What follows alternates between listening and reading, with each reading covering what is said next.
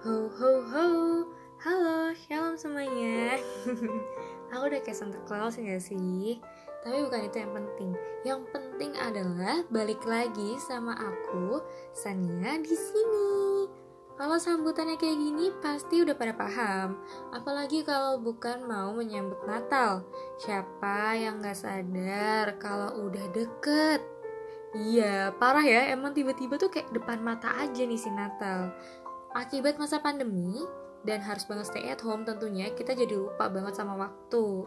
Sayang banget ya, Natal kita tahun ini harus di rumah aja. Tapi, walaupun vibes-nya berbeda nih, hati kita jangan sampai beda juga.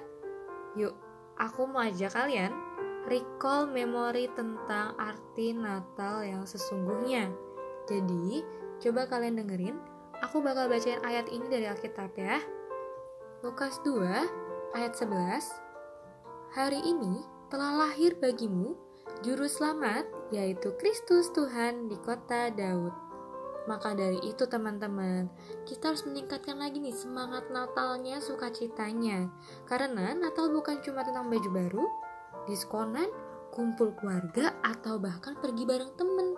Kita harus ingat, beribu-ribu tahun yang lalu, di saat ini nih, telah lahir juru selamat untuk menebus dosa kita. Intinya, aku mau ingetin kalian kalau Natal dalam kondisi apa pun harus tetap semangat dan sukacita. Jangan lupa, kalian tetap harus gereja walaupun masih online ya. Semoga kalian semua tetap sehat dan pandemi segera berakhir.